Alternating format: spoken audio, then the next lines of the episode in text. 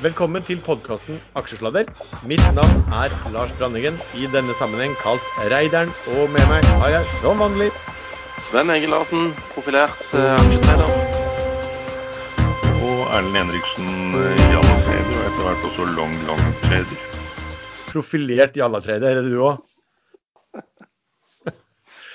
Uh, før vi kjører i gang, uh, Erlend, du har kontroll på disclaimeren. Ja, vi er totalt uansvarlige. Ikke hør på oss. Og for øvrig så får vi bare legge til, altså de juridiske er fornøyd. Vi gir ingen råd dersom du hører på hva vi sier her om markedet, aksjer, enkeltaksjer og livet for øvrig. Ansvaret helt og holdent ditt eget. Det kan godt feil, forekomme feilinformasjon i programmet. Og panelet og eventuelle gjester kan være lang, kort, direkte eller indirekte eksponert i aksjer, selskaper og produkter som omtales i programmet. OK, gutter. Hva har dere gjort i uken som gikk, og, og er det noen emisjoner dere har f.eks. vært med på? Jeg har vært med på tre.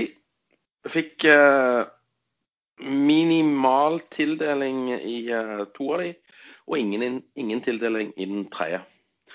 Men eh, ellers så har jeg treida ganske mye, eh, fant jeg ut nå eh, denne uka. Fordi at det var jo to dager med litt sånn eh, action på børsen. Så, så det har jeg eh, klart å utnytte på en fin måte. Så det, det var litt kjekt med litt volatilitet og litt høy viks og, og litt action på en måte. Ja, men hvilke, hvilke emisjoner var det du hadde vært med i? Ja, det husker jeg ikke. Nei, Jeg husker bare var- jeg fikk lite, lite i Jeg fikk ingenting i Aker Horizons. Ja. Og Der måtte du tegne for minimum fem mill. Eh, Tegnte du for fem mill, så fikk du null aksjer da òg, men tegnte du for fem mill og en krone, så fikk du masse aksjer. Så det var litt uh, dårlig gjort, syns jeg. ja. Og så var du med i Prime, eller? Prime, ja. Det var den der um, søppelbrenningsgreia til spitalene, var det ikke? Jo, det var det vel. Jo, den var jeg med på. Jeg tror jeg fikk aksjer for 20 000. Ja, Og det samme samme i den, samme i den der ah, Hva var den siste, var da? Proximar? Ja, det, den snakket jeg jo varmt om sist uke. Skulle aldri gjort det, vet du. Så jeg fikk for 7000 der òg. Ja. Trukket, du ble trukket for å snakke varmt om det. Du, eh, men Sven, har du lyst, mens vi bare tar det om nye selskaper på børs, eh, har du lyst til å kommentere Horen? Nei, beklager, eh, Horizont Energy. Det ble ikke den tikkeren som mange svamlet om. Men den gikk jo på børs da i, i, i, i uken som var. Var, det, flere, det var flere enn meg som gremmet, litt, gremmet seg litt når, de, når du så den aksjekursen, åpningskursen kanskje? Eh, vet du hva, jeg ble litt satt ut her, for det var en som ringte på telefonen. Uh, så prøvde jeg å bare få han vekk. Hva var det du snakket om nå, egentlig? Var det denne her uh... Horizon, Horizont, Horizont Energy. Om hore. Ho- ho- ho- ho- Hadde du fått den tikkeren, så hadde det vært forbudt å kjøpe. Men, men, men Men- lov å men selge? men lov å selge? Litt sånn så på, på, på denne her Robin Hood-tjenesten. Ikke lov å kjøpe, men det er bare lov å selge. Mm. Så, sånn, Nei, jeg, jeg vet hva. Eh, jeg tok det med fatning eh, at den åpna så høyt som den gjorde. Eh, litt irritert, ja, men eh, det gikk fort over. Så jeg vet ikke hvordan følte du det?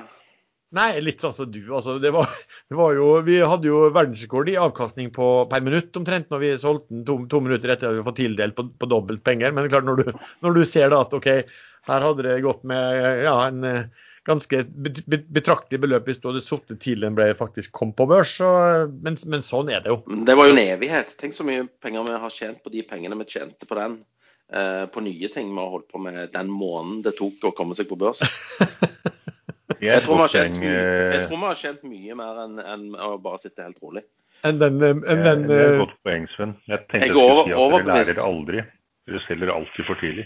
Ja, Den gikk jo bare litt over 150% kanskje 200% over det vi, vi solgte for, da. Men det også Sånn er Ja, dere har livet. vel hatt 400% minst andre handler i mellomtiden. Nei. Men eh, det har sikkert du. Eh, Erlend, hva har du gjort eh, siste uken? Har du vært med på, på noen emisjoner og IPOs, du? Ja, jeg, faktisk. Jeg, jeg har aldri vært noe glad i å tegne meg emisjoner, men da det plutselig kom melding fra megleren til en god venn av meg om at uh, nå starter den, så gikk han og jeg sammen og tegnet for 400 000 euro, og det var da 100 001 euro for lite. Så vi fikk ingenting. Men hadde vi fått, så hadde vi bare fått 7% så det er ikke så veldig mye å gråte over. Nei. Men hva har du gjort ellers på børsen, da?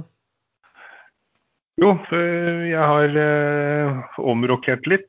Jeg har tatt en del i, i et havbunnmineralselskap, men ikke det veldig mange snakker om, som er eh, Seabird, som driver og bytter om strategi. Men eh, i Nordic Mining, som har holdt på med dette lenge, har fått statlig støtte og vel også andre støtter for å bli med på prosjekter og kartlegge havbunnen. Så de har jo kommet langt i det Seabird nå så vidt starter oppe. Så jeg har veldig tro på at de kan få til det hvis de skiller ut uh, havbunnmineraler, og det verdsettes uh, til det samme som Seabird verdsetter sin egentlig litt sånn papir, uh, papirforsøk på. Så, så så er det faktisk hele market cap til Nordic Mining i dag. Kun på havbunnmineraler ut fra den verdsettingen. Og så er det masse spørsmål rundt det, da, selvfølgelig. Men, ha, men, men du, vet, du, vet at, du, vet, at, vi hadde en eh, Nevnte den i en eh, aksjeslater-episode for et par måneder siden. Jeg dro fram liksom eh, NOM. Stemmer så, det. Stemmer. Ja. Du var for tidlig. Ja, folk, eller folk er treige, tror jeg vi vil si. De har holdt på med dette siden, den, ja, men de har holdt på med det siden 2016. Eh, ja, ikke sant. Og så begynte det å skje noe i høst. Det var vel da Seabird også begynte å snakke om det. Eh, men nå, jeg nevnte vel dette her sist aksjesladder. Etter det har kursen gått 714 eh, Jeg har ingen påvirkning på Jalla. 17 Nordic Mining er ikke Jalla, det vil jeg presisere. Det er et industrikonsern. Uten inntekter. Det var da voldsomt. Ja, ja, ja. De har vel ingen, har, men de har ikke noe inntekter lenger. De har ikke noe bygd noe fabrikk eller noe som helst. Nei, Nei de det, er jo, det er jo ikke jalla i så måte, Erlend. Det er jo noen som har en seriøs eh, industriell satsing. Men det, det, Ja, kjør på. Ja, Men de har jo ikke kommet i gang. De har vel ikke fått finansiert opp noen ting av det de skal gjøre ennå?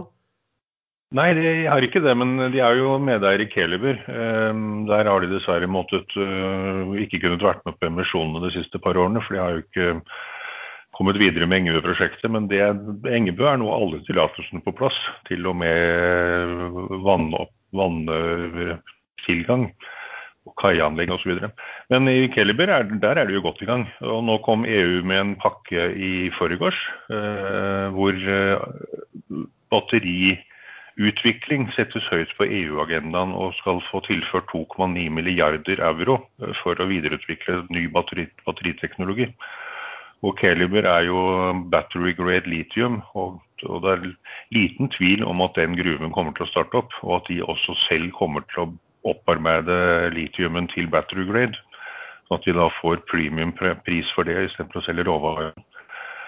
Uh, og de, Caliber var av tre, et av de tre finske selskapene som sto på EUs shortlist over de som kan få tildeling.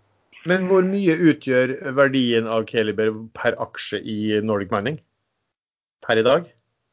Ja, Det var et godt spørsmål, men det husker jeg ikke. Det, da må vi gå lese regnskap, og det er ikke alltid vi har tid til. Men, men eh, raske penger, da, hvis du skal gjøre raske penger i aksjemarkedet, så er det lurt å skippe den biten der. Fordi at eh, da legger du bare eh, begrensning på deg sjøl. Eh, men eh, det, det, jeg skulle si, det var eh,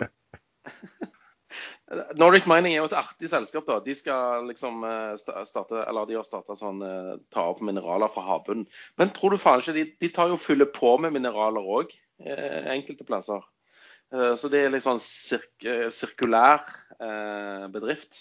De skal jo dumpe masse mineraler i den Førdesfjorden. Så de gjør jo opp for seg på en måte, syns jeg. Nå er du faktisk snill, og nå er du inne på det som er riktig. De dumper mineraler, de dumper avgangsmaterialer fra gruven, det de ikke bruker selv. Eh, legger de pent fra seg på havbunnen på 300 meters dyp eller noe sånt. Og der er det også mineraler. Så det, eh, så det er faktisk sikkert mulig for noen å utvinne mer av de mineralene enn det vil lønne seg for Nordic Mining å gjøre det. Men de har redusert disse avgangsmassene ganske ekstremt nå. Det er ikke veldig, det er ikke veldig mye igjen som skal ned på havbunnen. Og jeg vil tro at når de setter i gang gruven, så, så dropper de hele det prosjektet. Så kommer de til å uh, få sendt av gårde eller brukt alt sammen til fyllmasser eller uh, lage sement eller hva som helst. Så det er jo et ekstremt fint støv som sikkert egner seg til produksjon av noe sementlignende greier.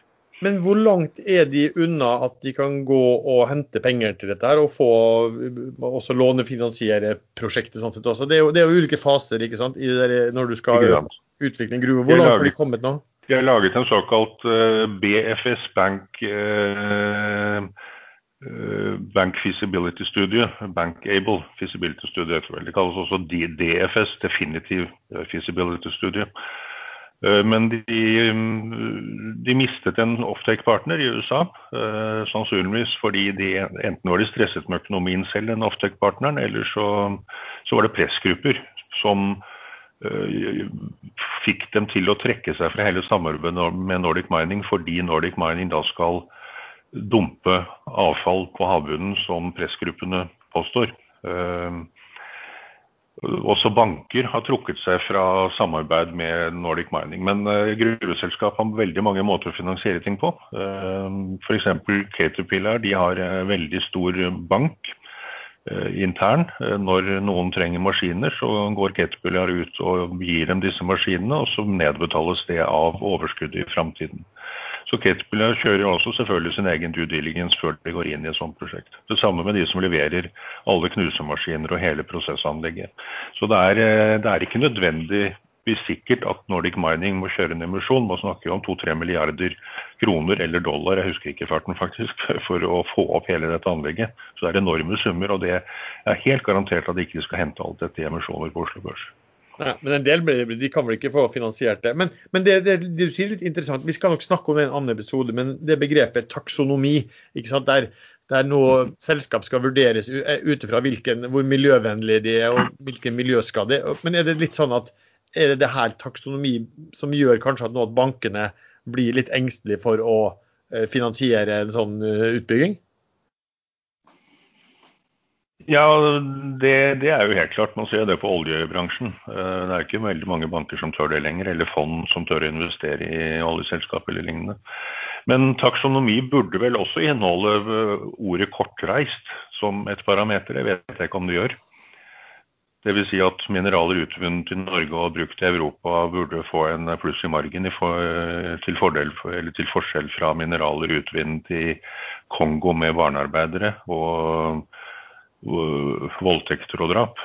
Så, så det, det er eh, Folk må skjønne at disse mineralene trenger vi. Uh, og hvis vi ikke lager dem i Norge eller Europa eller uh, en trygg del av verden, så produseres de i land og verden som vi ikke, ikke vil vite hvordan de produseres. Det er helt jævlig. Sven, du, men Sven, apropos uken, jeg husker jo mer enn deg hva du, du gjorde uken. For du, var ikke du med og tok i det nedsalget i Akualis også? Jo, det var jeg òg med på. Stemmer det. Der tjente jeg faktisk litt penger. Så det var ja, Jeg solgte det i går. Apropos den Nordic Mining, da. Eh, var den på EU sin shortliste? Var det det du sa, Erlend? Eller var det Keliber?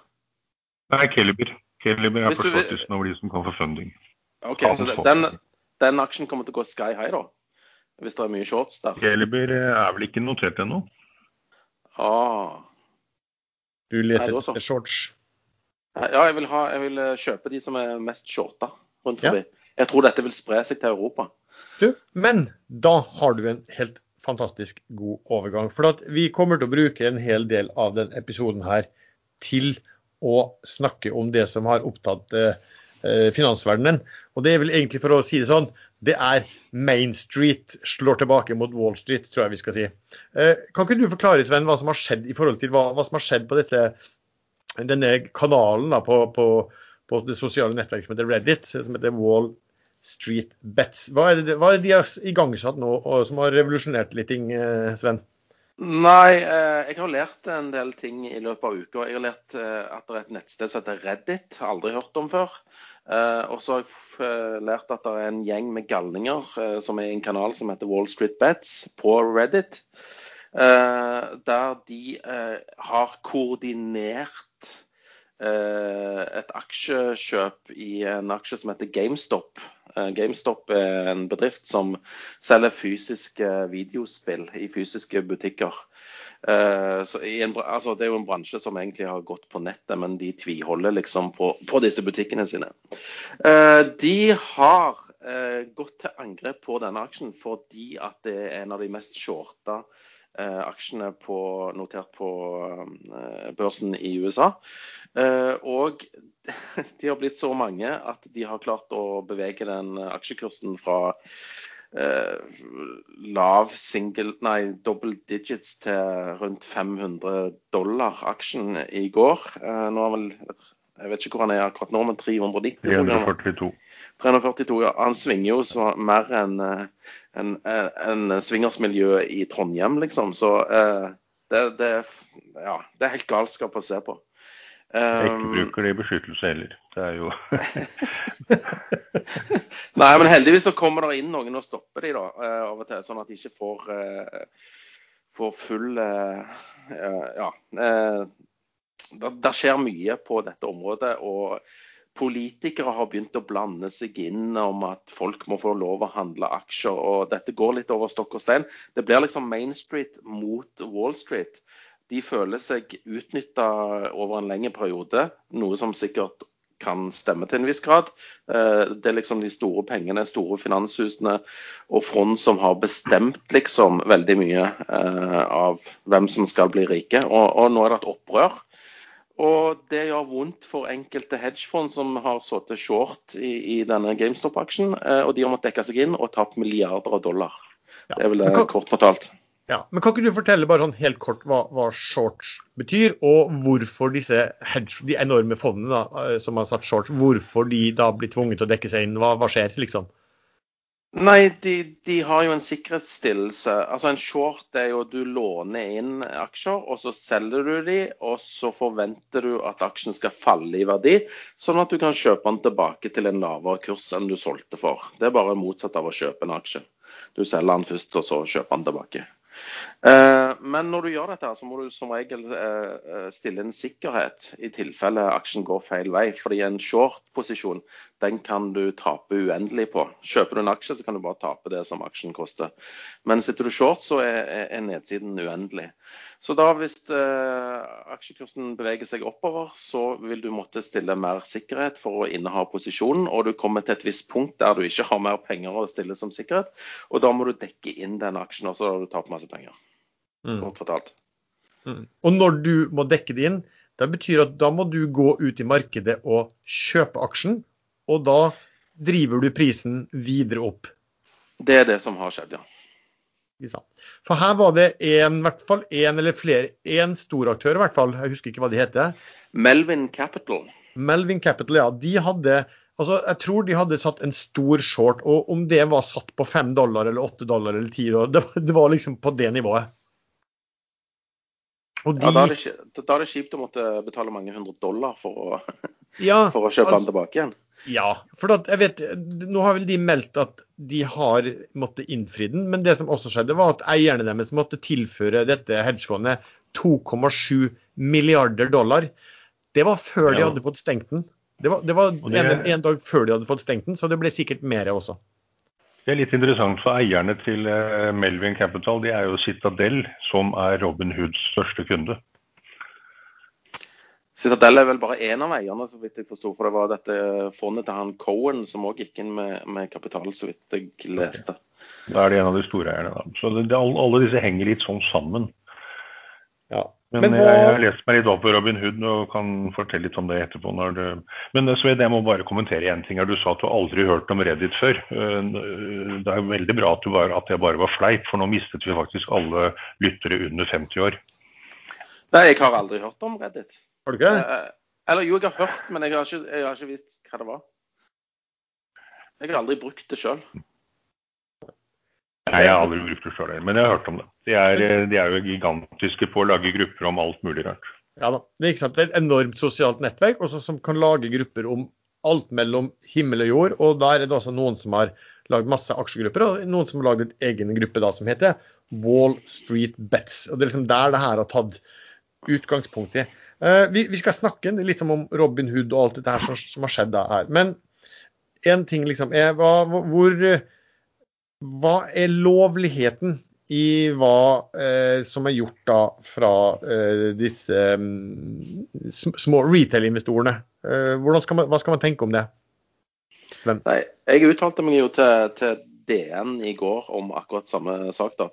Eh, og, og, og eh, Vi diskuterte jo også litt på Ekstrainvestor for noen dager siden. Er dette lov, liksom? Er det lov av en hel bråte mennesker å bli enige seg imellom at nå skal vi kjøre den og den aksjen fordi at vi skal get shorty, liksom?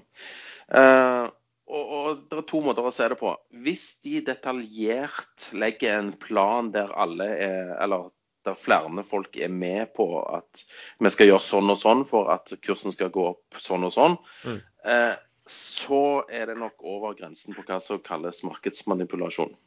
Men hvis hver enkelt eh, opererer eh, med egne planer og ikke koordinerer dette her, men opererer med sine egne penger og sine egne planer hver for seg, så er det nok lovlig, vil jeg tro. Jeg henger litt i en tynn tråd der, for det var en som oppfordret meg i går til å, å starte en sånn uh, aksjon på ekstrainvestor uh, om Nordic Mining, i, sånn, etter boka til Reddit. Og da skrev jeg med blokkbokstaver og uthevet skrift uh, en kort liten meme der. Og rett etterpå så stakk kursen opp 15 du vet hva, Så jeg, jeg får vel snart Finanstilsynet på døra, tenker jeg. Det så jeg faktisk. Jeg hadde så mye å gjøre Erlend, at jeg tenkte jeg skulle Det var jo ganske åpenbart at det var fleip, men, men altså, fleip på nettet er jo ikke alltid så lett. Så jeg tenkte faktisk jeg skulle sende deg en liten at det der skal du kanskje ikke gjøre mer, men, men, men altså, det var jo det. Det, det var helt, helt åpenbart at det var ja, fleip. Ja, men altså, i dagens marked altså... fort, men jeg, jeg, tror ikke det var det som skjedde. Det er jo ting bak Nordic Mining, og da var det snakket om Nordic Mining lenge før. Men eh, men man ser hvor fort det faktisk er at uh, en gruppe kan dra en sånn aksje opp. Dette har uh, vi som tredet krypto i 2017, vi fulgte med på disse gruppene her. og Det var det som skjedde hver eneste dag. Så var det en ny, en ny krypto som ble dratt opp til himmels og dumpa til kjelleren igjen like etterpå. Og det kommer til å skje med, med GameStop og disse andre aksjene òg. De går til himmels, og så går de helt til kjelleren etterpå. Nesten alle taper penger. Det er ikke småfolket som drar i gang disse gruppene, det er proffer. Det er eh, i 99% av tilfellene så er det proffer som høyst sannsynlig har organisert seg på forhånd og går inn og starter disse gruppene. Og henter inn eh, alt de har i miljø rundt seg, og så får de fotfolket, det man kaller kanonføde, til å følge etter dem. Så de er først inne, og de er først ute. Ja, Det så jeg faktisk det var noen, noen, som skrev om også, at man skulle nok være oppmerksom på at en del av de folka som kanskje kjørte i gang der, var, var folk som kom fra Wall Street, som, var, som, som nå kanskje drev som privatinvestor selv eller kjørte fond eller et eller annet der, og, og var de som på en måte lå, lå bak dette her. da. For, det, for på, på, Reddit så er jo da eh, bruker man jo da ikke, ikke riktig navn. Da bruker man nickname. Så det kan være hvem som helst. Hvis man, eh, hvis man går litt tilbake i historikken, så ser man i forkant av disse aksjonene som settes i gang, så har det allerede begynt å kjøpe, bli kjøpt en god del aksjer. Det som noen kaller smart money, eh, som i veldig mange tilfeller er, eh, er rent kriminelt. Det er organisert opptakt til det vi ser nå. Men det som kommer til å skje, vet du, det er at SEC de har jo lyst til å stoppe denne her eh, fremgangsmåten. Så de kommer til å ta eh, noen av de små og kjøre rettssak mot de og få de dømt. Tror jeg. Sånn at dette praksisen stopper. Ja, de, de nok, jeg vil vel tro at de, hvis de skal ta, vil ta noen, så vil de ta, sikkert ta noen som de anser være ganske profesjonelle, da, som kanskje har bidratt til å dra dette her i gang. Men igjen, da. Det er jo et spørsmål Som ble tatt i Norge, Lars? Hva sa du? Når ble sist en stor profesjonell tatt i Norge? Det er jo alltid, alltid de små som blir tatt og brukt som ja, det kan du si. som Sven. Han havnet jo i Høyesterett fordi han som uh, liten investor uh, kødda med de store. Ja, var smartere, var smartere enn de store. Men nå, nå, så jeg da at Kongressen skal jo ha høring om dette her, da. Og de skal ha høring om, om hvordan det her liksom en sånn oppgang på mange måter skal skje. Men, men, jeg så jo også at de har også vært veldig altså de, de politikerne der er veldig oppmerksomme nå på at det er veldig, veldig, veldig mye folk, retail-investorer, som har kommet til markedet. Eh, og eh, mange folk kalles også mange velgere. Eh, og det er jo de alltid veldig særdeles opptatt av sånn sett også. Så, og, og, det var jo som du Sven, at du, du, sa mye visste om det lovlige, og det er jo det vi ikke vet. da, Det er jo i lovligheten. altså Hvor organisert det er det en som bare slenger ut en ting, og andre bare følger på. ikke sant? Og så skriver at søren, den er så bra ja, ja, kjører, da, den blir bra, Den kommer til å gå til himmels. Og så finner noen ut oi, der er masse short, tenk hvis de må dekke inn og den biten her. ikke sant? Så det er jo ikke så godt å si hvordan, hvordan det her oppstår. da. Det som er fascinerende å se på politikerne, det er jo at uh, alle politikerne på ytterkantene i politikken har nå gått sammen om å støtte Wall Street-bets uh, mot Wall Street. Uh, Alexandra Huartes Cortez, populært kalt AOC, og Ted Cruz og Donald Trump jr. kom med hver sine tweet om, om hvor bra det faktisk er at disse små holder på sånn. Det er jo sånn de store holder på alltid. Sånn i forhold til det med å um, samle stemmekveg. Ja. Men Sven, du mente vel at det her var litt sånn ja, de blåste en boble og kom til å gå på en, et, et lite kollektiv selvmord. Det er jo ikke sånn, da, for mange vil jo tjene mye penger også, selvfølgelig. De har vel lovt hverandre at de skal ikke selge før aksjen når 1000 dollar. Men hvis alle skal selge samtidig på 1000 dollar, så er det ikke så mange som får solgt på 1000 dollar, er min spådom. Men eh, ja, eh, noen kommer til å tape masse penger her. Eh, hvem det blir, det, det har jeg ikke peiling på. Men det blir ikke meg. Du skal jo tilbake dit den var, og det var over rundt 17 dollar, tenker jeg. Min, min, jeg mente at analytikerne lå rundt eh, 8-10 dollar. så var i hvert fall et intervju med én i går. Han, hadde, han, mente verdien på den aksjen var 8 dollar, og ble, ble, spurt om han kom til å øke noe etter oppgangen. og Da sa han vel hvor, hvorfor det. Det hadde han overhodet ikke tenkt å, å gjøre. Ja, for De 17 dollarene jeg nevnte, det var nok da etter at de store proffene hadde kjøpt seg inn i forkant, før de startet pumpen. Mm. Ja, men eh, det de burde gjort, eh, GameStop, det er jo å hente masse penger, penger på eh, høye nivåer. Og utnytte denne oppgang, oppgangen til noe nyttig, sånn at de har en bedrift som faktisk kan drives videre. Eller de kan gå inn i et annet område enn å selge fysiske dataspill i fysiske butikker, liksom. Det tror jeg hadde vært lurt for selve selskapet. Hvis du ser på AMC, eh, den kinokjeden i USA, som òg har eh, vært shorta i hæl. Eh, den gikk de òg til angrep på. Men der har jo selskapet vært veldig lure. De har kjørt en sånn at, at the market-ofring. Altså det er utstedt aksjer for mange hundre millioner dollar. Og i tillegg så har de fått konvertert 600 millioner dollar i, i gjeld til aksjer. Sånn at det har jo drept litt av oppgangen i den aksjen der. men men selskapet har jo gjort de rette tingene, sånn at det mest sannsynlig kommer til å overleve istedenfor å gå dukken. Ja.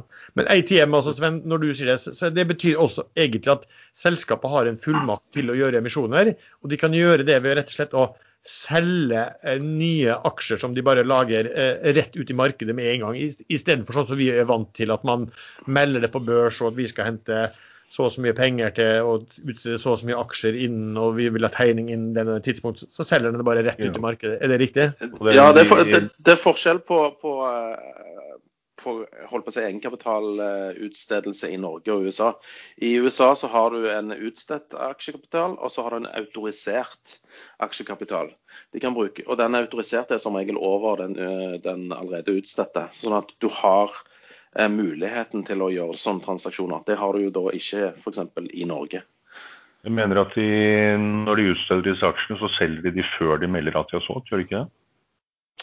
Eh, de melder at de skal gjøre en ATM-placement, eh, og de instruerer alltid et meglerhus eller flere til å kunne plassere disse i markedet. Men det er jo innenfor fullmakten, så de, de, de, de ja. melder ikke spesifikt hvert enkelt trekk hvert enkelt min minibankuttak. Det er jo ATM, uh, at the market, uh, er jo samme ja, som men, minibank mens, i Norge. Mens i Norge må alt børs Altså hvis du gjør endringer i kapitalen din, så må alt børsmeldes, selv om du bare øker den med en krone. Så mm. alle sånne ting må, må meldes uh, i Norge. Ja. Men GameStop, de eh, ville vel selskapet og de store aksjonærene ville vel grått av glede og hvis de man kunne hente inn penger på noe i nærheten av dagens nivå, eller, eller få solgt på dagens nivå. Eh, hva, hva, hva, hva, tror du de tenker om liksom, dilemmaet sitt i styret når de ser den aksjekursen der? Hva, skal, hva bør de gjøre? Nei, For det første, har de aksjer, så burde de selge de fort som faen. Eh, nummer to, eh, de har gjerne ikke eh, fullmakt til å øke aksjekapitalen. Eh, sånn at da må de jo kalle inn til en ekstraordinær generalforsamling og få fullmakt til å gjøre det. Da kommer sikkert alle aksjonærene, de nye aksjonærene til å stemme imot det, da. For det gagner jo ikke akkurat de. Så det, det er en litt sånn tricky prosess, tror jeg. Jeg fikk altså en som, Vi fikk jo noen spørsmål inn til episoden også. Det var stor interesse om området. der, og Som henledet oppmerksomheten på en som heter Ryan Cohen, som nå sitter i styret eh, i, i, i GameStop. Altså, dette var en kar som er tredje største aksjonær. Eh, Starta å kjøpe i august. Ble litt sånn aktivistinvestor der. Og, og, han ble valgt inn i styret sammen med kollegaer i, i, i styret i 11.1. Eh, og da var det liksom spørsmålet hva, hva han altså Han hadde en snittpris da på Han kjøpte vel aksjer for, eh, for 76 millioner dollar til en snittpris på 8,40. hadde han da, og De aksjene er jo verdt 1,3 milliarder dollar eh, på, på, på da closing-prisen når, når, jeg leste eh, artikkelen. Kan være at det er sikkert høyere enn det Uh, uh, nå. Men, men, da er det liksom litt sånn interessant da, hva, hva kan han gjøre? Du har kommet inn, du vil være aktivist, aktivistinvestor, for du vil gjøre en turnaround for å få, få opp aksje, verdien av aksjekursen. Og så, som det står, Han har liksom vært, på, han har vært i, i, i styret da, i, eh, i, noen få uker, og, og, og, kursen er opp liksom eh, mange, eh, flere tusen prosent. Han har gjort en formidabel god jobb, da. Det skal han ha. Men uh, man kan vel kanskje tenke seg at han er da en av disse som uh, har planlagt dette lenge, som, sammen med andre. Og da har de først kontroll på Wall Street Bets-gutta, og så har de kontroll på selskapet i styret samtidig, så han kan blokkere, være med på å blokkere ting som går imot dem. Men det er jo påstander uten, uten bevis. Ja, og så er det jo litt sånn, for det, det er jo det Bloomberg skriver om, han, eh, han eh, karen her. at hva, hva, skal han gjøre, liksom? Jo, altså det, det, det virker jo, vil jo være å pumpe ut aksjene sine og, og, og, og, gå fra styret og kose, kose seg med å må le, må le på Reddit-forum, selv om han ikke kommer derfra. Men de, de, skriver liksom at OK, det er ikke så lett. For det første er det liksom visse juridiske komplikasjoner når du sitter i styret. Og når du eier 13% da, Hvis han begynner å skal dumpe det, så, så ja, skjer jo fort ting med aksjekursen da, med en gang de hører at han begynner å, eh, å skal selge også. Pluss at den gjengen der, altså det er jo en del noen vil jo si at en del av disse eh, folkene her er litt likeartet med disse magafolkene til Trump. At de er ganske, ganske brutale. Eh, jeg så at eh, eh toppsjef altså, Den ene det var vel Melvin Capital, vel, de som hadde shorta GameStop i hvert fall. Eh, var det vel en toppsjef med, med, familie som hadde blitt mottatt trusler da, eh, mot Eller fra disse folkene. Nei, men det er ikke bare litt, litt like maga, det, det, det, er mye maga folk i den ja. Reddit-gruppen. Så de er kanskje litt redd for å pumpe aksjer rett i fjeset på dem også, og stikke av med penger? Men hadde jeg vært han Cohen, så hadde jeg bare eh, sagt til resten av styret min jobb her er gjort. Eh, so long, suckers. Jeg, jeg, eh, jeg fratrer. Og så La oss si Ja, fortsett. Og så solgte aksjene mine i det skjulte. Og listet La oss si min lille teori er korrekt, at han er med i en liten sånn privat gruppe med store, tunge investorer som har dratt i gang dette her. Da kan jo han bare la sine aksjer gå til null hvis han har en min hånd vasker din hånd-avtale med vennene sine. Neste gang er det hans tur. Ja, men Det er kanskje vanskelig når du eier 13% av selskapet, for å si det sånn. Men hva hadde dere gjort da, så vet alt? Hva hadde du gjort, Erlend? Bare... Eh, ja. Jeg benytter meg av min rett til å ikke inkriminere meg selv. Er det ikke det det heter? Dette er rent sånn hypotetisk og, og sånn filosofisk. Ja, jeg hadde, satt, jeg hadde sittet i et styre og så hadde jeg eid masse aksjer. Og så hadde jeg visst at ok, det har skjedd ting her som gjør at disse aksjene er dramatisk eh, overpriset. Eh, og hvis jeg var sikker på at eh, informasjonen fra selskapet det var, var selskapet informert om at det er riktig at ikke selskapet har lagt ut en masse ville overdrivelser og alt der, Eh, så hadde jeg nok sagt at min jobb i dette styret er, er, er ferdig. Det, jeg er mer glad i å tjene og få en veldig veldig god avkastning enn å, enn å sitte i, i det styret her videre. Dette hadde jo gjort det. Selv om eh, Maga slash eh, hva det måtte være, hadde blitt litt eh, sur, kanskje. Men det, det, er jo en del av jobben. altså Disse her kommer jo som investorer inn. Så det må man nesten forvente at de kan ta den beslutningen når som helst. Dagens episode er sponset av IG.com. Handler du bull- og bærprodukter i dag? Da må du prøve Turbo24 hos IG og få fordeler som døgnåpen handel, tre ganger, fem ganger, ti ganger eller mer i giring, og selvfølgelig deres innovative plattformer. Oppdag en bedre måte å trade på hos IG. Handle Turbo24 og få tilgang til et bredt utvalg av populære markeder som valuta, indekser og råvarer, uten kurtasje. Er turbovarianter noe nytt for deg, men du handler bull- og bærprodukter? Åpne en konto eller livekonto på ig.com. Lenken til dette finner du i beskrivelsen vår til denne episoden. Men la oss gå videre på en annen ting det. For det som da skjedde, når, her, da ble det jo masse bråk. Og så begynte plutselig aktører å eh, stanse disse Wall Street eh, bets, og, og, selvfølgelig alle masse andre folk som har eh, slengt seg på. Så det var masse folk i, som bl.a. brukte Nordnett, som hadde også kjøpt eh, og trada i, i, i, GameSpot. Men da tok også Det, det startet vel med at Robin Hood eh, stoppet handel. Dvs. Si at kundene fikk ikke kjøpe GameStop-aksjen men de fikk lov til å selge den. Eh, Erlend, du fulgte litt mer med på hva de har gjort der? Ja, men Der er det jo gått masse rykter nå om da Citadel som storkunde i Robin Hood, eh, samtidig som de er storeier i Melvin Capital, som har da en stor short. Robin Hood har to COI-er. COI-er. Uh, Ja, COI? så stille. Uh, to C, C, Chief Executive Officers. De deler på jobben. Og det er ganske unge folk, og de gir faktisk et veldig, veldig godt inntrykk. Og hele filosofien til Robin Hood er jo at de skal la kunder trede gratis.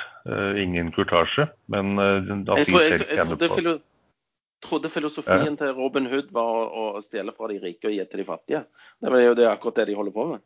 Nei, det, det, ja, det, det, ja det, det, har blitt sånn nå. Eh, men, men, det de sa i intervjuet på CNBC i går, som ligger på CNBC eh, på internett, fire minutters video, det er at de var nødt til å gjøre det sånn. De, har, de er en broker, eh, registrert broker, i, megler i USA.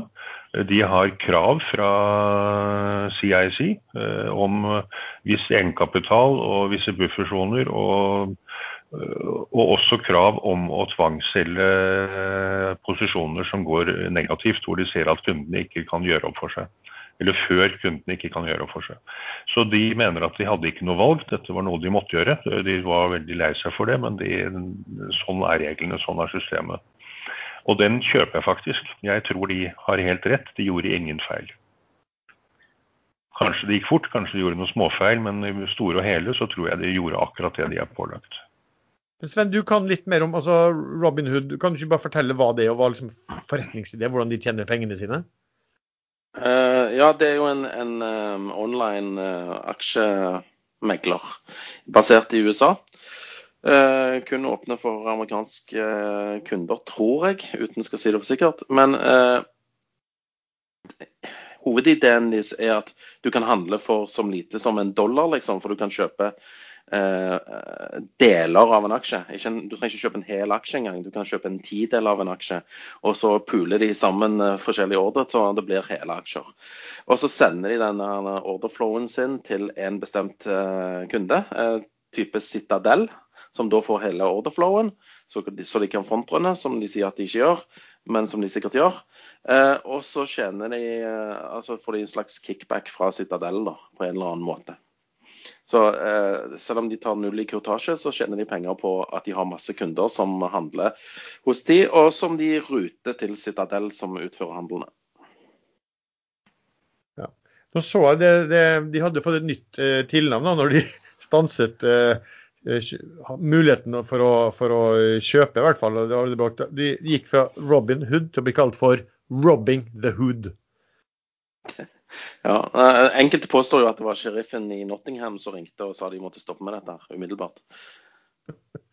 Jeg sa forresten også, det, bare sånn, for, for, å, for å anskueliggjøre da, hva, hva, liksom, hva, hvilke type kommentarer de har, disse eh, som, som finnes da på, på Wall Street Bets. Det er jo ikke akkurat sånn de, de store, dype analysene, det er vel sikkert noen av de også. Men her er liksom ett eksempel som, som, eh, som jeg bet meg, merke der han skrev om en at We are like an inverse hedge fudge. Lots of people with little money and absolutely no fucking idea what we're doing on here. But enough autism to strike fear. Det var vel beskrivelsen av en som var Jo, men det er, jo, det er, jo, litt skremmende at de er blitt en så stor markedskraft at de kan, de kan styre verdipapirer på denne måten. Det er jo litt farlig det er, det er, ikke noe tvil om at det er store aktører som har styrt dette markedet ganske mange eh, år. Eh, gjort, det er gjort mye avtaler, det er gjort, det er gjort mye i det markedet der over mange mange tiår som har eh, gitt penger i kassa til de store på bekostning av de små. Det, det er det ingen tvil om. Så på en måte har man jo litt sympati da når, når Main Street står tilbake. Men det er klart, det blir litt sånn slå tilbake og slå tilbake. altså Det å, det å drive opp kursen på en aksje eh, til absurde nivåer så har jo ingenting med verdi å gjøre. Da har du egentlig ingenting med, med investering eh, å gjøre heller. Så, så det, man blir litt sånn ambivalent da i, i forhold til at la de, nå, la de nå holde på, men så ser man også at, eh, at eh, ting kan gå over stokk og sten, og folk kan komme i et veldig uføre også. For noen vil jo stå igjen selvfølgelig på den eh, perrongen her når, når, når, når toget går for, for, de som har fått, fått, solgt seg ut. Jeg ble jo livredd for, for å shorte noe nå. Og, og, hvis jeg gjør det, så skal jeg i hvert fall ikke si det til noen. Fordi at uh, da kommer de og skal ta meg. Ja, det var jo Ja, men, det, ja, men det, det, er jo litt sånn, altså, det, det, blir jo interessant å se short-posisjonene rundt omkring nå. Om, om eh, de begynner å eh, altså, Det kan jo drive markedet oppover, det, da, hvis folk begynner å Eh, og nøytralisere short-posisjonene sine. For da må de jo kjøpe aksjer tilbake i, i markedet. Samtidig så sier de jo at motposten er selvfølgelig at alt det her vil noen si viser bare liksom hvor oppblåst dagens marked at noe sånt kan skje i det hele tatt.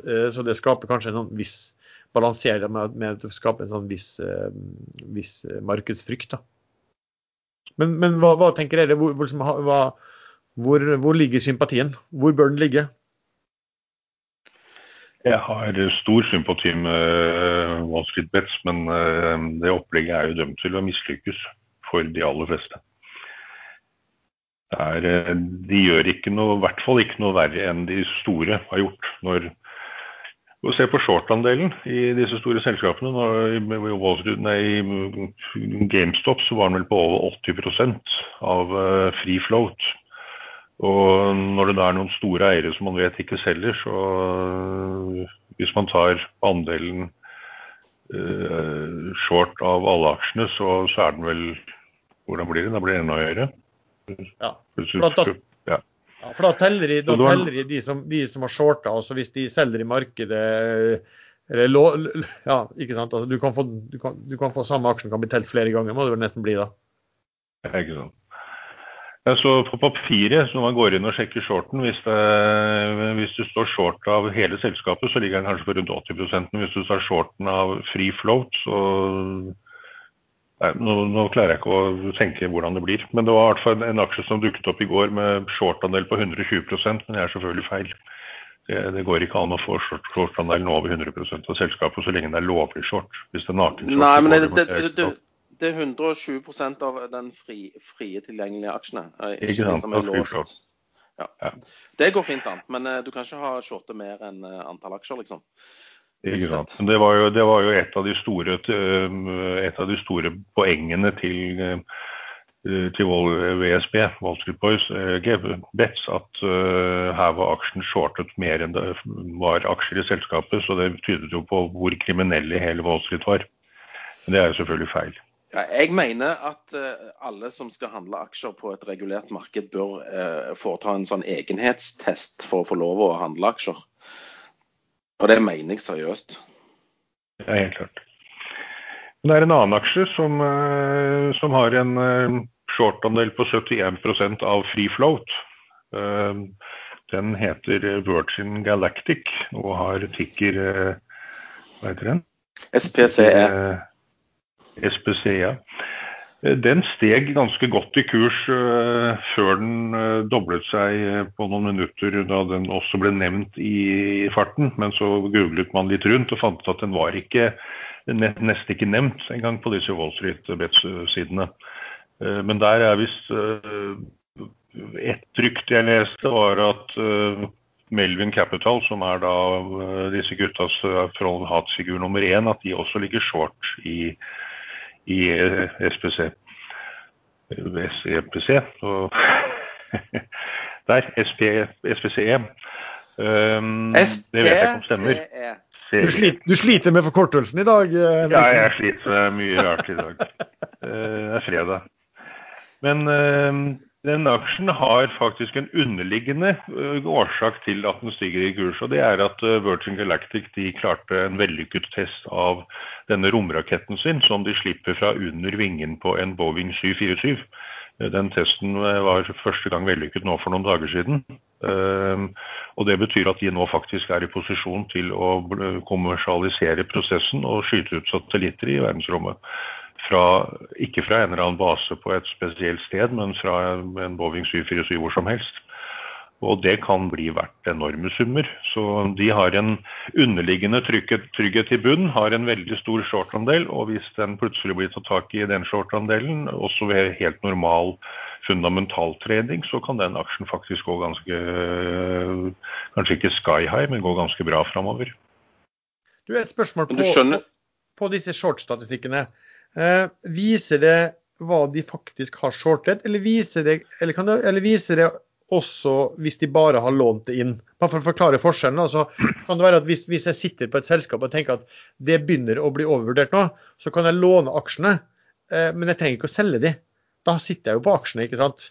Eh, I påvente at det skal komme et tidspunkt hvor jeg har lyst til å øh, shorte det. Eh, men det, vil statistikken vise det første tilfellet, innlånt, eller ville det vise det andre tilfeller hvor de, altså de faktisk har solgt det de har lånt? Der må du spørre Sven, han eh, kan late som at han kan det. I Norge så eh, vil det ikke vises før du faktisk har solgt aksjene short. Eh, når du låner de, så flytter du jo bare aksjene fra én VPS-konto til en annen. Mm. Det er jo ikke ja, solgt. Ikke sant? For I Norge så, du, så, må du melde inn. Da må du jo melde det inn. Hvis du har over hva er det, 0,5% eller noe sånt? Nei, 0,1% må meldes. Ok. Så Finanstilsynet pga. korona nå for å unngå for mye spekulasjon på børsen, så senket de grensen fra rapporteringsplikt til 0,1% og så offentliggjør det alt som er over 0,5% Men der er det nok et veldig stort hva skal man kalle det, gråmarked av posisjoner som ikke meldes inn. 0,1% er jo faktisk ikke veldig mye. Nei, Det blir spennende å se hva som blir utfallet her til slutt. Og, ja. og hva fasit viser eh, på aksjepris i GameStop og disse andre rakettene. Du vet hvorfor tikkeren er SPCE, eh, Allen? Nei. Virgin Galactic. Space. Ja, space, ja. Ah, selvfølgelig. Ja. Det er helt tydelig det er flere i dag. Vet du, Jeg fikk jo faktisk et spørsmål i går fra en eh, journalist eh, som stilte dette spørsmålet her. Var... De stiller ofte spørsmål, de der journalistene. Ja, de gjør det. Ja, det er helt umulig. Og dette spørsmålet var jo litt morsomt, for det var eh, Kan man si at chatten, altså trade-in-chatten på ekstrainvestor er et slags Norges svar på Wall Street Bets? Definitivt ja. Der er det mye løgne folk med mange rare meninger. og oppfordringer til å kjøpe både det ene og det andre. Så eh, hvis de folkene der inne eh, plutselig finner ut at de skal gå sammen om dette her, og ikke bare holde på hvert, eh, på hver sin haug, liksom, så kan dette bli ganske morsomt.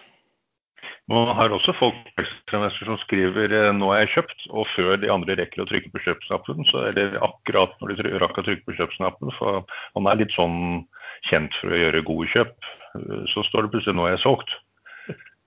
Det hørtes veldig Hvordan... rart ut. Ja, veldig rart.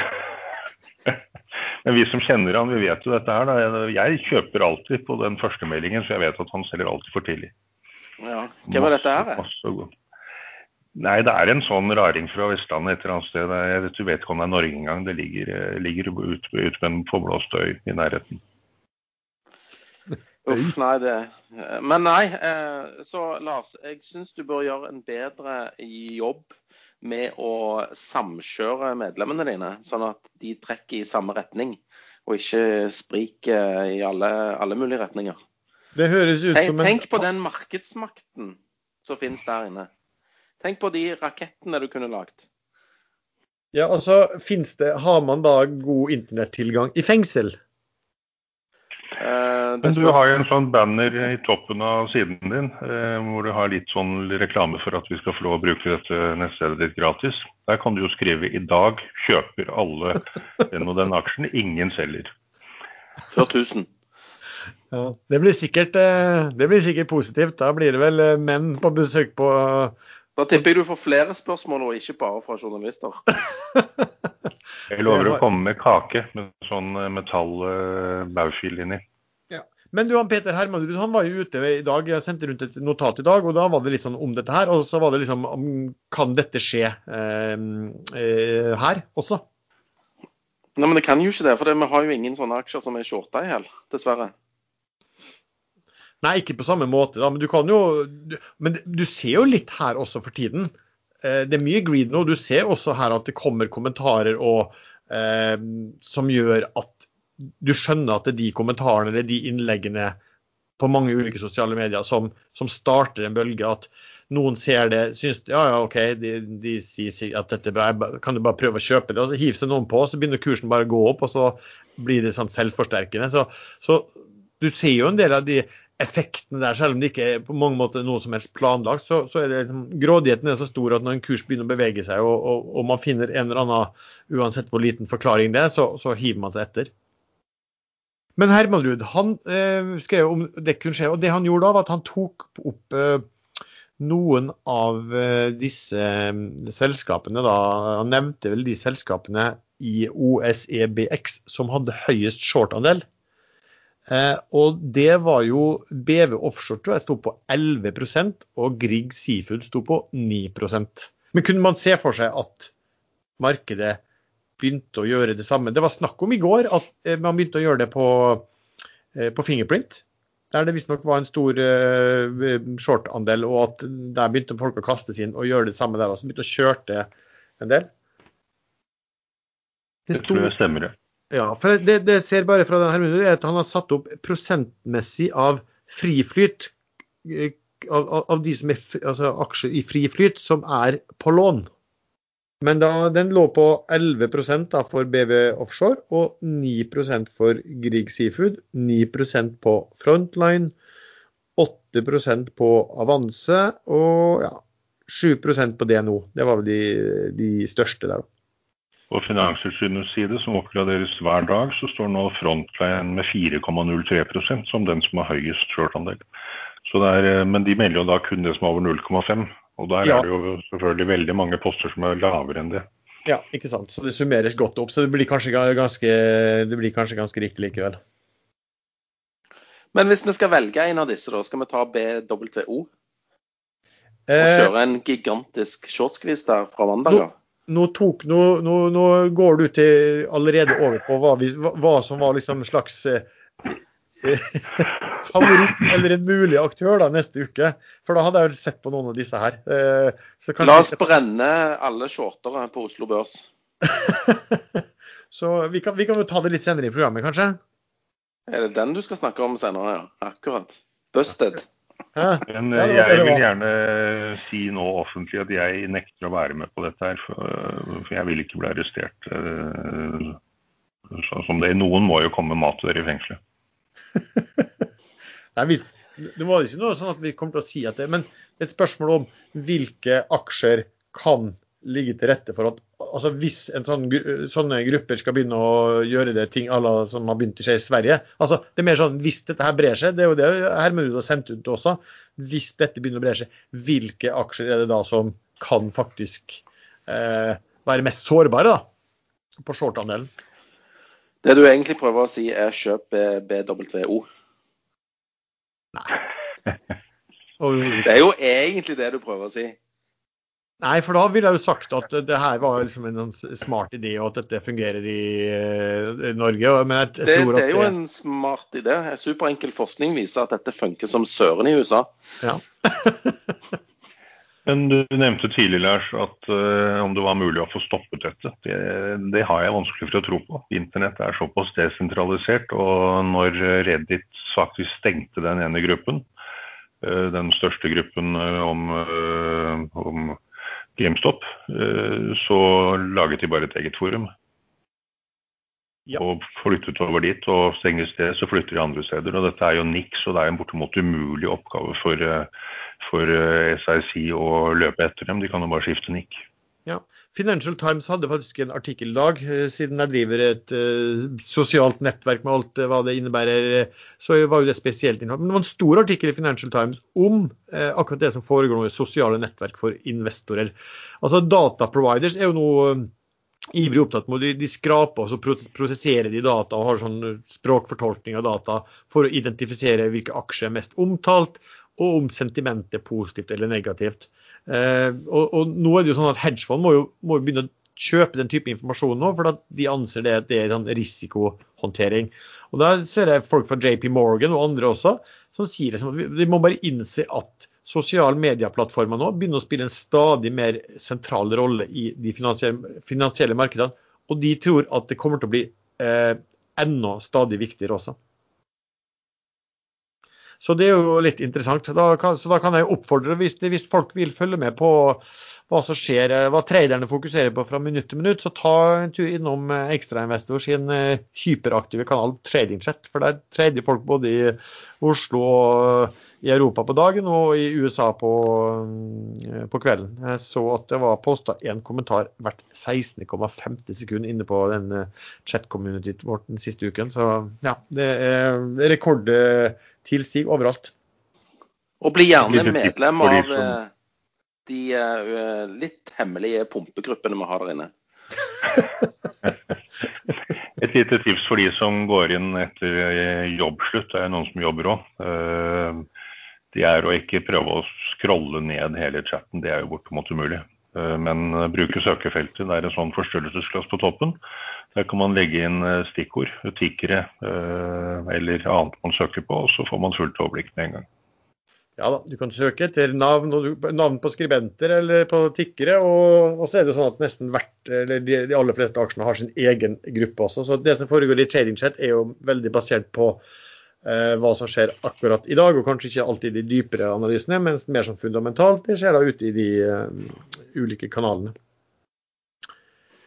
Eh, apropos når jeg snakker om ekstrainvestor, så kan det være verdt å nevne at eh, i denne uken så har vi hatt eh, en presentasjon med Induct.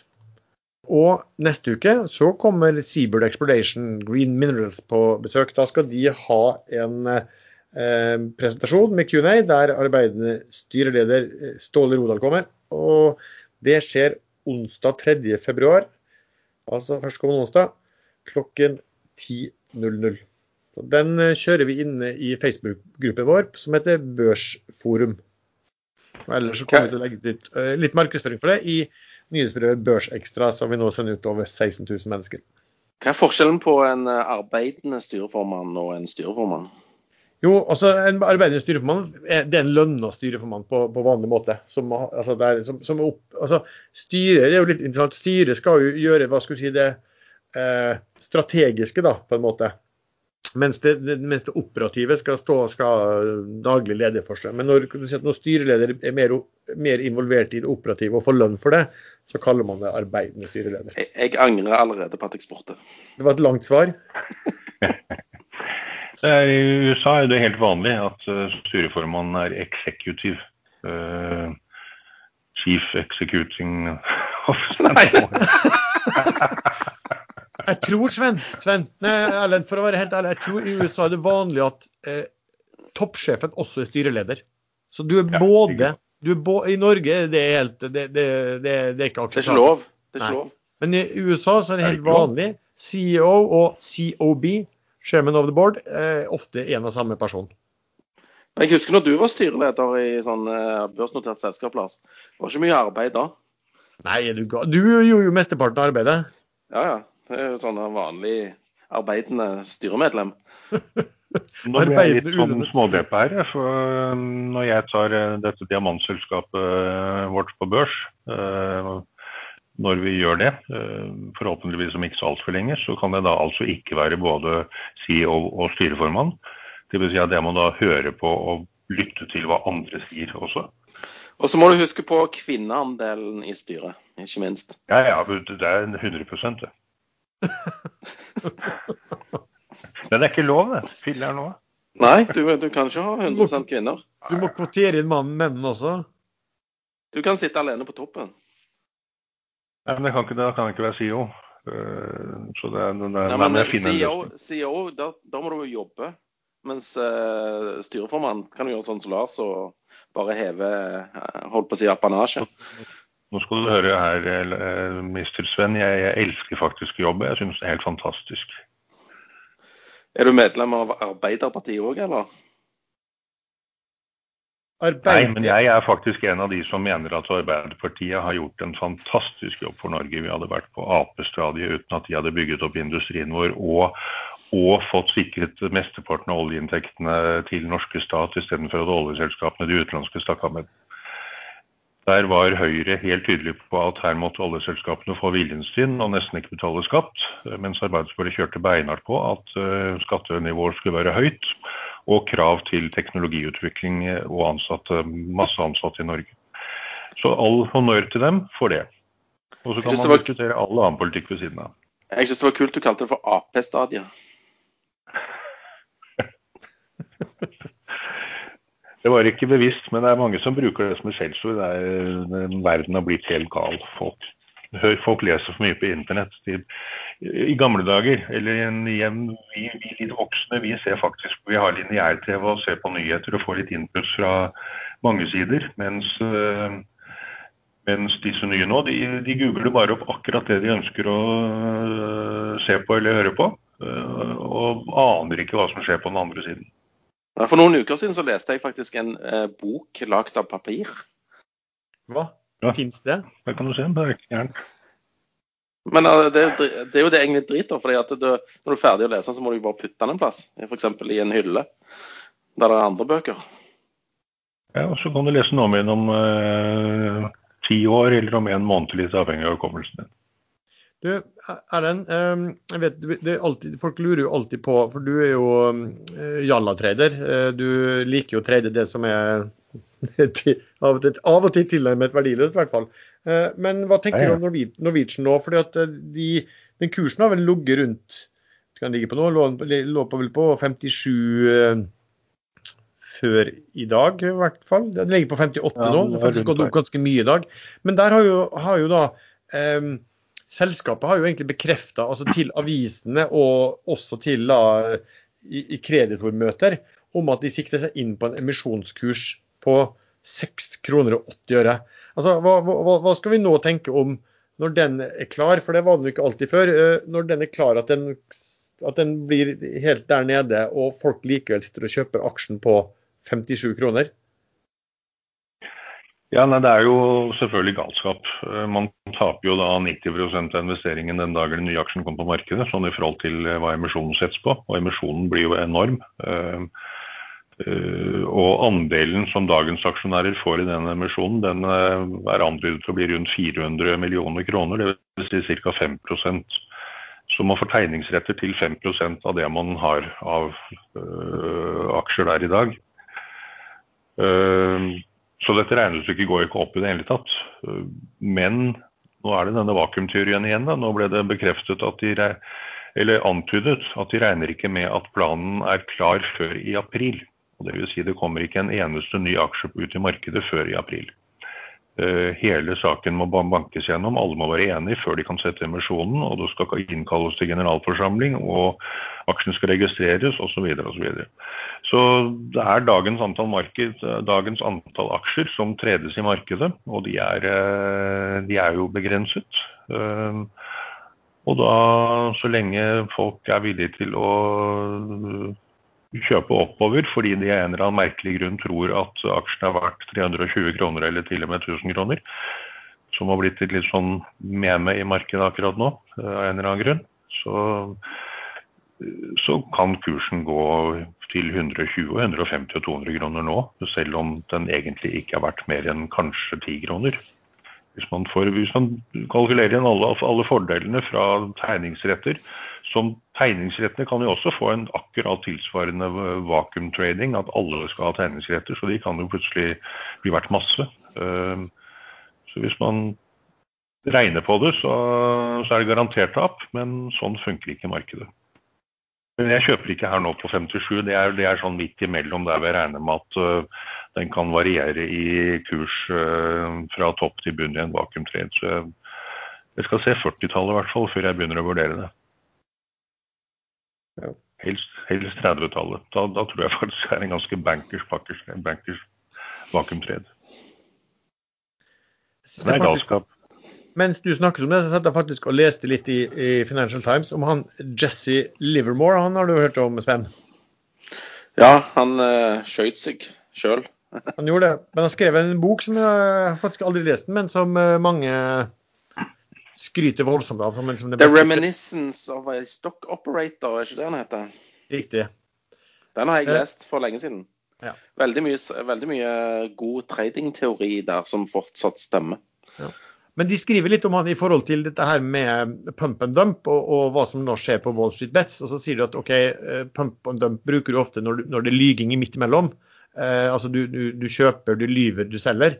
Men hva skjer hvis du ikke eh, når du ikke lyver, men bare sier til folk hei, la oss kjøre denne her. Og Da skriver de om at han, eh, Livermore han, han drev med sånne stockpools på 1920-tallet. Det var ofte, ofte da, eh, større aksjonærer, ofte innsidere som da hadde store aksjer som de da ville pumpe på ut i offentligheten, på de uvitende. Eh, og det gjorde de da ved at de handla aksjer tilbake, fram og tilbake mellom seg selv. Så skapte de liksom oppfatningen av at dette var en veldig likvid eh, aksje, og at den var, på, var i en bulltrend. Og når da spekulantene kom inn og, og, var, og, var, redd for å miste oppgangen, da, det, da solgte den der Polen da til inntil disse her. Så han var tydeligvis så flink til det, han Livermore, at de uh, brukte å leie han inn disse polene til å, til å gjøre den, den, jobben der for han. da. Uh, men det står jo at det her var da også da før, før den uh, verdi, den amerikanske verdipapirhandelloven ble, ble mm, skrevet i 1934. Og da gjorde man akkurat det han holdt på med, å være illegalt. Så, det var vel egentlig ganske bra de gjorde. Det var jo det. Eh, men det, det er jo litt sånn Ja. Du, du, du kan jo se litt, litt, litt i dag også at, eh, at eh, ja, man, man, man, sier at la oss gå sammen og, og pumpe opp aksjene, og, og, så gjør man det på den måten. Men du vet at det er ulovlig fordi at du, eh, du eh, skaper et kunstig eh, Altså kunst, det, det virker, eh, etterspørselen etter aksjen er kunstig. Det er ja. ikke et riktig bilde på den faktiske etterspørselen av tilbudet. Så selv om du ikke lyver eller uh, sier noe at du skal kjøpe aksjen, så ved å, å handle med hverandre, så, så skaper du et, et, kunstig nivå på ja. omsetningen. Har dere noen sånne favoritter eller noe dere ser på for kommende uke? Jeg har sett litt på den BWO, da. Nei, nei, jeg har ikke det. Jeg skulle bare stjele aksjen din, sånn du pleier om meg. Skjer aldri. Ja, har du, noe, har du ingenting? Har du ikke tenkt noe? Noe må du vel se på? Jeg syns det er trist. Jeg syns det er trist at det ikke finnes uh, veldig shorte aksjer i Norge. Så En aksje sånn som Norwegian burde vært shorta i hæl. Og, og, den kunne vi sikkert kjørt til 1000 uh, pga. det. Så det, det, er dumt at vi ikke kan ha det like gøy som i USA. Ja, Det er jo selvfølgelig et moment jeg glemte å nevne i. At det er, det er, jo bare småeiere. Det jeg jo sagt før. Det er bare småaksjonærer eh, på de første 40 plassene på aksjonærlisten i Norwegian. Så det er ingen som får lånt til short. Det vil si det var en som hadde klart det. I romjula var det en som hadde klart å sette en short på 280 000 aksjer eller noe sånt. Og da, da varierte kursen mellom noen og 70 og 110 kroner. Så, så foreløpig ligger den som gjorde det veldig godt in the money. Det var en rundt 20 millioner kroner short. Men renta på å låne disse aksjene ligger over 100% pro anno. Så du, du, skal, du, du skal tjene Altså, du skal ha brå bevegelse ned for å faktisk tjene penger på dette. Ja, men eh, fra romjula til nå er det jo bare en måned. Jo, jo. Så det har ikke kostet mer enn rundt 10% Men du kan vel, Sven, du kan vel få risikere at eh, det, du, blir, du blir kalt tilbake, aksjene blir kalt tilbake når som helst, eller? Ja, og da har du én dag på deg til å komme deg ut. Eller dekke, dekke inn, heter det vel. Ikke sant? Så selv om du vet at dette vil skje i løpet av eh, en og en halv måned, så kan du risikere at det, det, det tar en god stund før det skjer, og før det, før det har skjedd. Kanskje kursen har til og med gått opp, og du, du får beskjed om at nå må du levere tilbake aksjen. Ja, det er en kjip situasjon. I hvert fall hvis det skjer med flere enn deg sjøl, liksom. For da må jo alle dekke inn, og da får du et lite rush. Du da, Henriksen. Hva, hva holder du på med, Ut, utenom Nordic Mining, som du snakket om? Jeg så bare leste akkurat en Endur-melding. eh, Fire nye kontrakter til Endur-datter. Og i dag tidlig kom det en børsmelding om at de jobber med en eh, avtale om å kjøpe et selskap. Eh, Litt sånn standard eh, advarsel rundt sånne eh, Når det pushes så mange meldinger på en gang, det er jo at da er det rett før det kommer en emisjon. Men det er ikke sikkert det er så dumt å være med på Endur akkurat nå. Den eh, har stabilisert seg litt, og de begynner å bli ganske store. Noe annet du ser på enn de, da? Nordic Mining har jeg nevnt. Ja. Eh, tror jeg blir bra. Bergen Bio tror jeg blir bra. Ferdig snakka. Eh, Finn har også hentet seg en del opp fra bunnen. Eh, det er jo det samme kjøret der med disse vårdensene som løses inn på 25 øre, men kursen ligger nå på over 60 øre. Og De kom også med en børsmelding om eh, framskritt på produksjonen og utvikling av disse superflate batteriene som trykkes på store ruller av metall, som kan stackes. Så det går faktisk framover. Og det, jeg begynner å helle mot at uh, Trinn denne gangen faktisk kommer til å komme på markedet med et produkt som de også klarer å selge. Ja, for det, det er vel batterifabrikk, er det det de satser på? Ja, men en ny, type hvor eh, man lagrer mer energi på mindre plass og i helt flate, supertynne eh, metallplater som kan passe inn i høreapparater eller eh, kameraer eller etter hvert eh, større format. Mm. Så det, er ikke, det er ikke helt uøffent det de driver med der. De mangler jo mangler proof of concept ennå. For min del så Sist gang så sa jeg at det var short i Tesla, og den lå jo med fint, fint, um, fint pluss, den. Og så sa det bare plutselig bling. Uh, og da, som, sånn som den aksjen uh, så volatil senest, så hadde det bare bang oppover. Og, og hadde jo heldigvis en stopplås, da, så det ble ikke så mye tap. Har den etter det igjen, da. Den gikk jo en god del høyere enn det også, så sånn sett var jo det bra. Men nå har den jo, de kommet med tall, og de ble jo ikke så godt mottatt, så den er falt tilbake. Så hadde jeg fortsatt stått på posisjon i dag, så hadde den vært eh, vært eh, solid, den. Um, ellers så ja, litt sånn for, bare, sånn for moro skyld at eh, det er jo nesten oppsatt OK, hvis man hvis det skulle begynne å bli sånn at folk begynner å jakte på hva som er shorta, og, eller at de som sitter med short-posisjonene blir redde for det, eh, så er jo da BVO og Grieg Seafood kanskje og, og Frontline kanskje aktuelle kandidater da, til å få en oppgang på noe, på noe sånt. Ellers så har jeg jo fulgt med på ja, Goodtech har jo falt en del tilbake igjen. Eh, var jo oppe i over 16 og falt ned til 13-tallet. Eh, skal sitte på den fortsatt i hvert fall litt. Håper det kommer noen eh, meldinger at de spinner litt der. Eh, og Philly, eh, som jeg nevnte sist gang, der flagga jo vel de eh, Rett etter vi har spilt inn episoden, så flagga disse Apollo at de hadde solgt seg da under eh, 15% Men det ser ut som de siste dagene nå at de ikke lenger selger, eller når kursen begynner å selge, komme rundt 70, så eh, under 70, så selger de ikke mer. Eh, Jeg har egentlig venta på at den posten skal bli eh, plukket av noen. Og så er det litt interessant å se med Philip hva eventuelt de kan bli involvert i i forhold til eh, off, altså serviceskip for offshore vindkraft i USA. Der tror jeg det kommer til å gå med masse jobb til amerikanske verft. Men om det kommer i deres retning, det, det er jeg litt eh, mer usikker på. Men det er i hvert fall helt sikkert at uh, amerikanske skip som skal bygges for å installere vindmøller til havs, at de må bygges i USA. Det er Jones Act-regelen som slår inn. Ja. Og det er jo Philly selvfølgelig en kandidat, men de må jo få løst det problemet sitt med kapasitet. Ja, jeg spurte jo om kapasitet, og da blir, de, da blir de, helt stille, da. Eh, om det er fordi at de eh, ja, mener at det er noen ting som hele markedet må få vite om med en gang. Men det å, det å fortelle om de har kapasitet sånn som det er i dag, etter at de har fått de ordrene, burde jo ikke være sånn hokus pokus. Men jeg ser jo ikke bort fra at de ser seg om etter kapasitet. Altså, Aker-systemet er jo inne offshore vind i USA og har planer om å vinne noe der. Eh, så som sagt, jeg tror det blir mange skip som skal, eh, som skal bygges der. Så jeg syns jo indirekte vet vi jo at uh, Philly ikke har kapasitet for AMSE. AMSC. De har jo sagt at de ønsker å bygge flere tankskip. Fordi markedet ser bra ut framover, men at Philly ikke har kapasitet før i 2025, sa de vel eh, for en, noen måneder siden. Ja, jeg tror egentlig ikke AMSE har sagt at de vil bygge, men har at, de har vel sagt at den muligheten er strengt tatt knapt nok finnes i, eh, i, i USA eh, på det. Men, men, det kan jo sikkert viderebringe litt at det er sikkert ikke så veldig mye lettere å få bygd offshore vindkraft.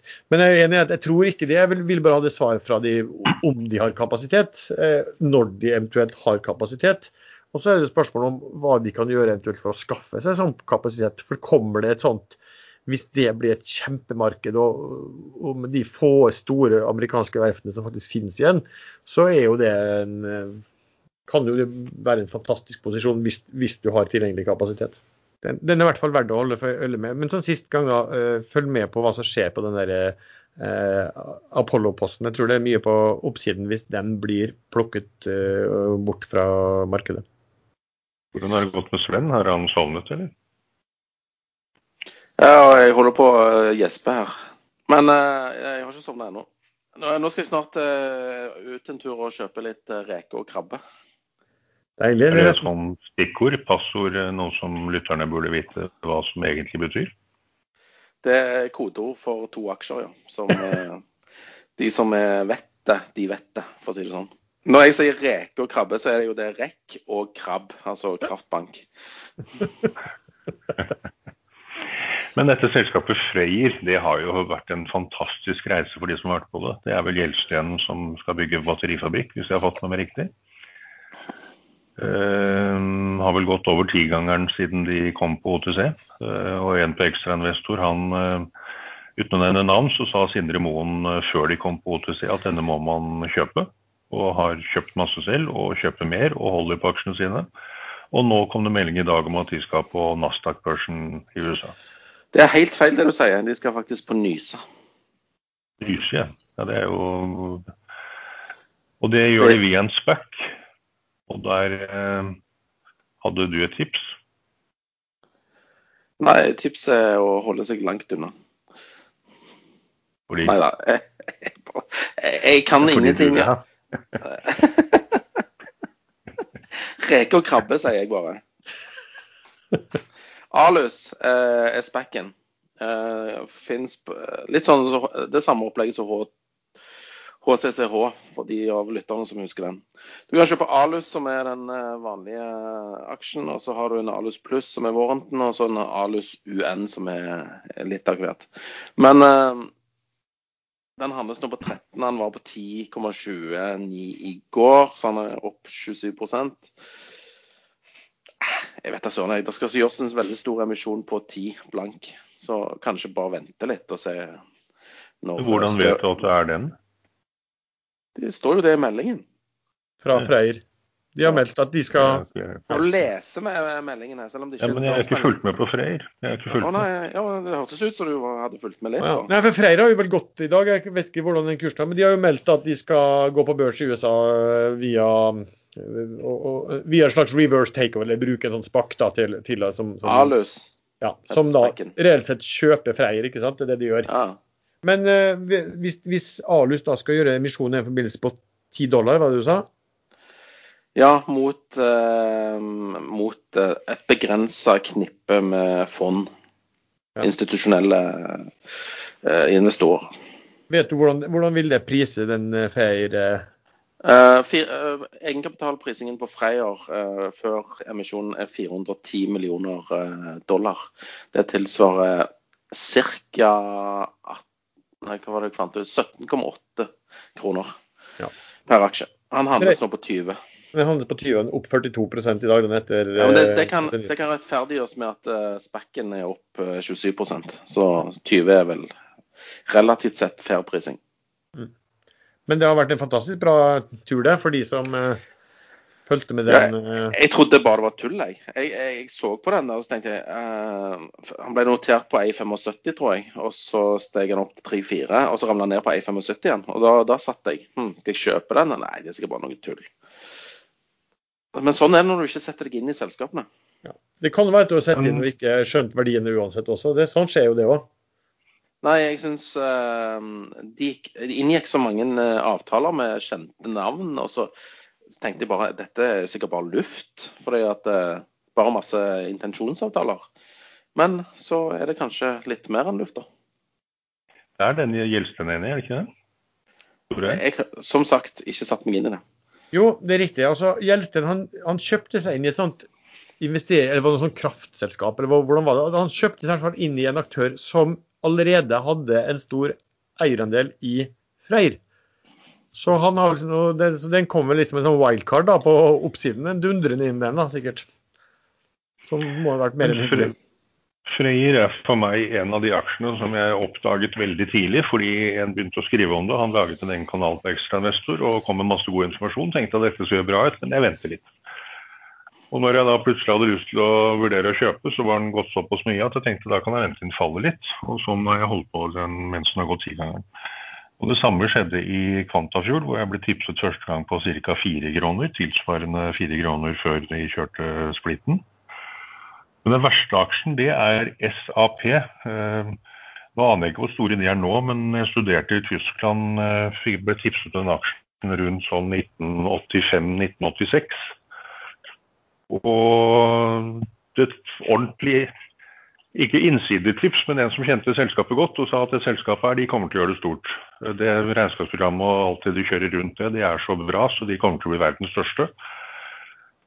Og da så jeg på den, og da hadde den allerede gått sånn kanskje 50-100 tenkte jeg dette gidder jeg ikke. Og så neste gang jeg hørte om den, hadde den gått 5000% og den har vel gått minst 5000% til etter det. Så egentlig burde jeg vært uh, røkkemilliardær, sånn hvis jeg hadde gjort ting riktig. SAP hva er verdsatt på? Hva er det verdsatt på? 131 milliarder euro? Noe sånt? Noe sånt, ja. De lå vel på kanskje 10 millioner euro den gangen jeg fikk tilbudet. Det var helt vilt. Sånn skjer. Tenk på, som, tenk på han som var med i starten på Apple, og som syntes at de to gutta, andre gutta var litt vel villmanna, så han bare solgte dem til dem eh, på, på null. Eh, da ble det vel ikke priset en million engang, eh, hele selskapet. Mm. Den er vel verre. Den er verre. Det er faktisk verre å ha eid aksjen eh, og solgt for tidlig enn å aldri ha kjøpt den. Nei, det kan du ikke mene. Jo, det er, det er psykisk verre. Når man har hatt en aksje og tenkt at nei, den tror jeg ikke noe på. Jeg eide jo masse eh, Kitron eh, på 2,78 mener jeg det var. Sånn størrelsesorden 200 000-300 000 aksjer. Satt på disse aksjene, solgte litt og kjøpte litt i over, fem år. Og så ga jeg opp. Og bortimot den dagen jeg solgte, så begynte kursen å stige. Og den har vel gått eh, hundregangeren siden det, eller hva det er for noe. Ja, nå ble jeg deppa helt. Nå må jeg drikke meg full i helgen. Jeg tror faktisk altså, Man er jo, man er jo så innesperret nå for tiden at eh, det er jo eh, Nå åpna jo heldigvis da vinmonopolene rundt eh, Oslo igjen, for det ble jo ramaskrik. Alle dro jo til eh, de, nærmeste stedene og inntil var Asker og Bærum og stilte seg i kø der og smitta hverandre i køa. Så da måtte de vel åpne Vinmonopolet. Så da får man vel ta seg et glass, glass eh, rødvin i kveld, da. Et glass. Lite glass. Halvt glass. Ja, ja. For de, for de som, er, for de som vil late, som de er nøysomme. OK. Jeg har et Eh, firelitersglass i skapet. hva sa du? Et, Jeg har et sånn fireliters rødvinsglass i skapet. et lite glass. OK. Eh, er det noe mer dere har på hjertet før vi eh, takker av for denne gang? Kjøp reker og krabbe. Det er på vinteren at sjømat er best. Ikke hummer, det er forbudt å fange selv nå, i hvert fall. Ja, nei, det, jeg, jeg er ikke så rik. Hummer det, det er en aksje vi ikke skulle kjøpe. Litt, er det, hvem er hummer? Hummer. Hum, hum, villsøk. OK. Eh, da takker vi til alle som har lyttet eh, på den episoden. Dere kan treffe oss inne på eh, chatten på Ekstrainvestor. Vi har også en gruppe på Facebook som heter podkasten Aksjesladder, der man gjerne kan stille spørsmål eller komme med kommentarer. Musikken er som vanlig laget av sjazz.com. Takk for at du har lyttet, og så håper dere hører på oss også i neste episode. Yeah, yeah. Det er bra, det. Ja. Var jeg flink med Bergen Bio nå, eller? Ja, vet du hva, du var kjempeflink. jeg, hørte du, jeg hørte det på stemmen din også, du var litt stolt i stemmen når du sa det.